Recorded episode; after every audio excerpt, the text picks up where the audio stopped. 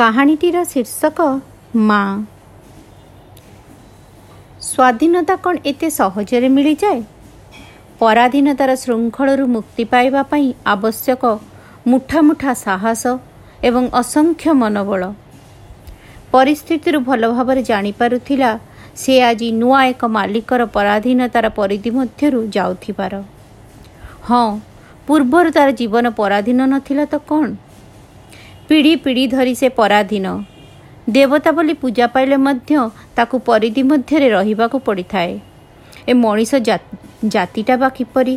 ଦେବତା ବୋଲି ପୂଜା କରନ୍ତି ସେହି ପଥର ମୂର୍ତ୍ତିକୁ ଯାହାର ପାଟି ଫିଟୁନଥିବ କିମ୍ବା କିଛି କହିପାରିବାର ଇଚ୍ଛା ବ୍ୟକ୍ତ କରିପାରୁନଥିବେ କେବେ ଯଦି ସେହି ପଥର ଦେବତା ପାଟି ଫିଟାଇବା ତାଙ୍କ ତାଙ୍କ ଇଚ୍ଛା ବ୍ୟକ୍ତ କରିପାରିଥାନ୍ତେ ତାହେଲେ ବୋଧହୁଏ ତାଙ୍କୁ ମଧ୍ୟ ଏଡ଼େଇ ଦିଅନ୍ତେ। ସେମିତି ଆମ ଗାଈ ଜାତିମାନଙ୍କୁ ମଧ୍ୟ ଦେବତା ବୋଲି ପୂଜା କରନ୍ତି। କେବେ ଯଦି ମନମୁଖା କରିବାକୁ ବସିଯାଉ ତେବେ ପାହାର ଦେଇ ସାବାଡ଼ କରିଦିଅନ୍ତି। ମଣିଷ ଜାତିକୁ ଚିହ୍ନିବା ବଡ଼ କଠିନ। ସତ କହିବାକୁ ଗଲେ ଚରମ ସ୍ୱାର୍ଥପର। ସ୍ୱାର୍ଥ ପାଇଁ ପାଦ ଧରିଦେବେ ଯେଉଁଠି ସାମାନ୍ୟ ଓଲମ ବିଲମ ହୁଏ ସେଠି ନିଜର ପ୍ରକୃତ ରୂପ ଦେଖାଇ ଦେବେ ଆଜି କିନ୍ତୁ କିଛି କରିବାକୁ ପଡ଼ିବ। ଭିନ୍ନ ପରାଧୀନତା କିପରି ହୋଇଥିବ?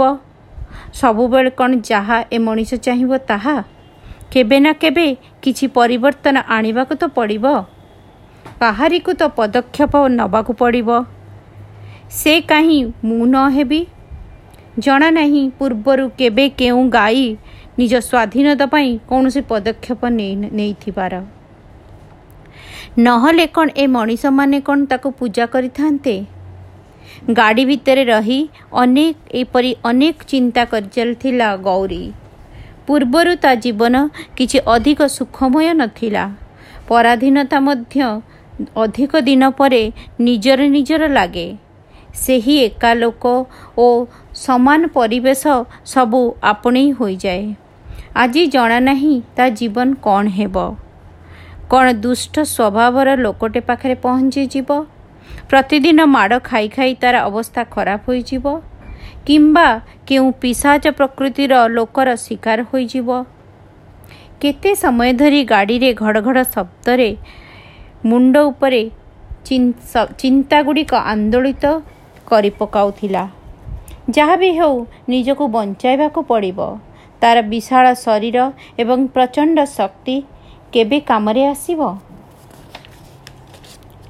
କଳା ମଚମଚ ଦେହକୁ ବଡ଼ ବଡ଼ ସିଂହ ତାକୁ ପୁରା ଗୌଶାଳା ମଧ୍ୟରୁ ଭିନ୍ନ କରିଦେଉଥିଲା।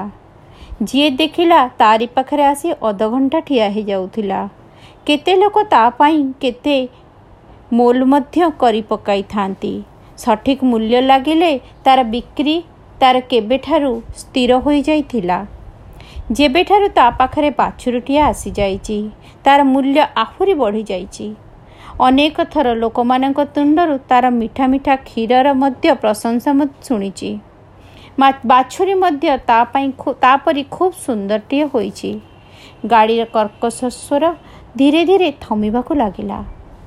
ଏବେ ତାକୁ କିଛି ବିଶେଷ କାର୍ଯ୍ୟ କରିବାକୁ ପଡ଼ିବ। ନିଜର ସମସ୍ତ ସଂରକ୍ଷିତ ସାହସକୁ ଏକାଠି କରିବାକୁ ଲାଗିଲା। ଯେପରି ଗାଡ଼ିଟିରେ କବାଟ ଖୋଲିବାକୁ ଲାଗିଲା ଗୌରୀ ନିଜକୁ ସମ୍ପୂର୍ଣ୍ଣ ପ୍ରସ୍ତୁତ କରିସାରିଥିଲା। ଗୋଟିଏ ଡିଆଁ ତଳେ ମାରି ଏତେ କ୍ଷିପ୍ର ଗତିରେ ଦୌଡ଼ିବାକୁ ଆରମ୍ଭ କରିଦେଲା। କାହାରି କାବୁରେ ରହିପାରିନଥିଲା ତାର ସେଇ ସାହସ ପାଖରେ ଚାରି ପାଞ୍ଚ ଜଣ ପୁରୁଷ ହାର ମାନି ଯାଇଥିଲେ। କିଛି ଦୂର ତା ପଛରେ ଦୌଡ଼ି ଯାଇ ତାକୁ ଧରିବାକୁ ଚେଷ୍ଟା କରିଥିଲେ। ତା ବେକରେ ପଘା ନଥିଲା। ତେଣୁ ଧରିବାର ଉପାୟ ମଧ୍ୟ ଜଣାପଡ଼ୁନଥିଲା। ଜଣା ନାହିଁ ଏତେ ସାହସ ଆସିଲା କେଉଁଠୁ। ବୋଧହୁଏ ସ୍ୱାଧୀନତାର ସମ୍ପୂର୍ଣ୍ଣ ରୂପରେ ତାକୁ ଆକ୍ରାନ୍ତ କରିଛି। ଖୁବ୍ ଜୋରରେ ଦୌଡ଼ି ସମସ୍ତଙ୍କର ଦୃଷ୍ଟି ଅଗୋଚରରୁ ଦୂରେଇ ଗଲା। ସେତେବେଳେ ସୂର୍ଯ୍ୟ ବୁଡ଼ି ଅନ୍ଧାର କଳା କଳା ଚଦର ମଧ୍ୟ ଚାରିଆଡ଼େ ଘୋଡ଼ାଇ ହୋଇଗଲାଣି। ଅନେକ ବାଟ ଦୌଡ଼ି ଦୌଡ଼ି ଜିଣିବାର ଏକ ଭିନ୍ନ ସ୍ୱାଦରେ ତା'ର ମନ ପ୍ରଫୁଲ୍ଲିତ ହୋଇଉଠିଲା। ହଠାତ୍ କ'ଣ ହେଲା? ତା କେଜାଣି ପାଦ ତଳର ମାଟି ଖସି ପଡ଼ିଲା ପରି ଅନୁଭବ କଲା। ଏ କ'ଣ କଲା ସେ? ବୋଧହୁଏ ସେତେବେଳେ ସେ ଦୌଡ଼ି ଦୌଡ଼ି ଥକି ଯାଇଥିଲା। ଗୋଟିଏ ଜାଗାରେ ଯାଇ ଠିଆ ହୋଇଗଲା। କେହି କୁଆଡ଼େ ଦିଶୁନାହାନ୍ତି। ଅନ୍ଧାର କିଟିକିଟି। କେଉଁଆଡ଼େ କିଛି ବି ଦୃଶ୍ୟମାନ ହେଉନାହିଁ। ଏ କ'ଣ କଲା ସେ? ଏ ସାହସ ଏ ଉନ୍ମାଦନତା କାହା ପାଇଁ? ସେ ଯେଉଁ ମୁକ୍ତି ପାଇଁ ଏତେ ପ୍ରୟାସ କରିଲା ତାହା କେଉଁ କାମକୁ? ତାର ଗୋଟିଏ ମାସର କଅଁଳ ବାଛୁରୀ? କି ଯେ ସେ ଏକୁଟିଆ ଛାଡ଼ି ଆସିଗଲା? ବାହାରର ଅନ୍ଧକାର ଧୀରେ ଧୀରେ ତାର ସମସ୍ତ ଚିନ୍ତାକୁ ଆଚ୍ଛାଦିତ କରିଦେଲା। ଗୋଟିଏ କ୍ଷଣରେ ତାର ସମସ୍ତ ସାହସ ଶକ୍ତି ଚୂର୍ଣ୍ଣ ହୋଇଗଲା। ଏ କ'ଣ କଲା ସେ? ଆଜି କ'ଣ ସେ ଏଇ ସ୍ୱାର୍ଥପର ହୋଇଯିବ? ନିଜର ସ୍ୱାଧୀନତା ପାଇଁ କ'ଣ ସେ କଅଁଳିଆ ବାଛୁରୀଟିକୁ ଭୋକରେ ଛଟପଟ ହେବାକୁ ଛାଡ଼ିଦେବ? ଜଣା ନାହିଁ କ'ଣ ହେବ ତାର। ତା ନିଜର ଭବିଷ୍ୟତ ମଧ୍ୟ କ'ଣ? ତାର ଡଉଲ ଡାଉଲ ରୂପ ଦେଖିଲେ କ'ଣ ତାକୁ କେହି ଛାଡ଼ିଦେବେ? ଯିଏ ଦେଖିବେ ଲୋଭେଇ ଯିବେ ଓ ନିଜ ଘରେ ନେଇ ବାନ୍ଧିଦେବେ ଓ ନିଜର ମାଲିକାନା ଆରମ୍ଭ କରିଦେବେ। ନା ଏପଟୁ ବାଛୁରୀକୁ ପାଇବ ନା ସେପଟୁ ସ୍ୱାଧୀନତା। ଏ ସାହସ ତାର କେଉଁ କାମରେ ଲାଗିବ? କିନ୍ତୁ ଏବେ କ'ଣ କରିବ ସେ?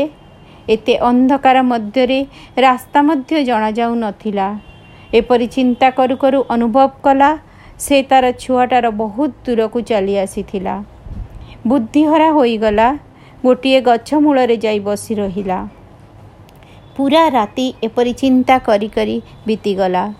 ସୂର୍ଯ୍ୟ ଉଦୟ ହେବା କ୍ଷଣି ଏକାମୁହାଁ ଚାଲିଲା ତାର ସନ୍ତାନର ଅନୁସନ୍ଧାନ କରିବାକୁ। କିପରି ଅବସ୍ଥାରେ ଥିବ ଏତେ ସମୟ ହେଲା ଖାଇନି ନିଶ୍ଚୟ ଭୋକରେ ଉବୁଟୁବୁ ହୋଇଯାଉଥିବ। ବାଛୁରୀଟି ଜନ୍ମ ବେଳୁ ଦୁର୍ବଳ ଦିଶୁଥିଲା। ଖୁବ୍ ଜୋରେ ବୋବାଇ ମଧ୍ୟ ଶିଖିନଥିଲା। ଯାହା ବି ରଡ଼ି ପକାନ୍ତା ରାତିଯାକ ନ ଖାଇ କିପରି ପାଟିରୁ ପାଟିରୁ ଶବ୍ଦଟିଏ ବାହାରିବ? ପଛକୁ ଅନେକ ବାଟ ଯିବା ପରେ ମଧ୍ୟ ବାଛୁରୀକୁ ଠାବ କରିବାକୁ ସକ୍ଷମ ହୋଇନଥିଲା। ଗୌରୀ ଖୋଜିବାରେ ଏତେ ମଗ୍ନ ନିଜେ ମଧ୍ୟ ଘାସପତ୍ର ଖାଇବାକୁ ଭୁଲି ଯାଇଥିଲା। ଲୋକେ ଭାବନ୍ତି ପଶୁପକ୍ଷୀମାନଙ୍କର ମଣିଷମାନଙ୍କ ପରି ଚିନ୍ତା ଶକ୍ତି ନଥାଏ। କିନ୍ତୁ ଗୌରୀର ଭାବନାରେ ବୁଡ଼ି ରହିଥିବା ଏହି ପଶୁମାନଙ୍କର ଚିନ୍ତାକୁ ବୁଝିବା ପାଇଁ ମଧ୍ୟ ଏକ ମନ ଆବଶ୍ୟକ। କିଛି କେଉଁଠି ଯେବେ କାମ ନ କରେ ଏକ ମାର ମନ ଖୋଜେ ଏକ ସନ୍ତାନର ମନକୁ। ଏ ମନ ଯେ କେତେ ଶକ୍ତିଶାଳୀ ତାହାର ଆଭାସ ଏ ସାଧାରଣ ମଣିଷ ପାଖରେ ନଥାଏ। ତାହା ଯେ କେବଳ ସୂକ୍ଷ୍ମ ଦୁନିଆରେ ରହିଥାଏ। ଏଠି କୌଣସି ବୁଦ୍ଧି ନା ବିବେକ କାମ ଦିଏ। ଏହି ମନ ନେଇ ଅଲୌକିକ ଘଟଣାମାନ ମଧ୍ୟ ଘଟି ଚାଲିଥାଏ। ଠିକ୍ ସେହିପରି ଏକ ଆଶ୍ଚର୍ଯ୍ୟକର ପରିସ୍ଥିତି ସେଦିନ ଘଟିଲା।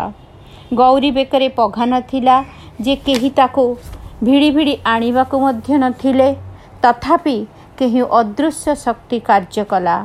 ସନ୍ଧ୍ୟା ନ ହେଉଣୁ ସେ ଆସି ପହଞ୍ଚି ଯାଇଥିଲା ତା ବାଛୁରୀ ପାଖରେ।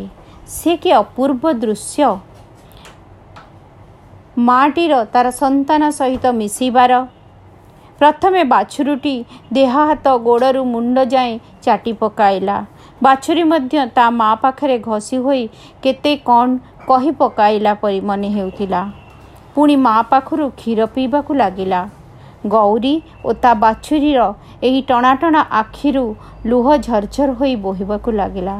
ଆଉ ସେଠାରେ ଉପସ୍ଥିତ ପ୍ରତ୍ୟେକ ଲୋକଙ୍କ ଚକ୍ଷୁକୁ ଆର୍ଦ୍ର କରିଦେଲା।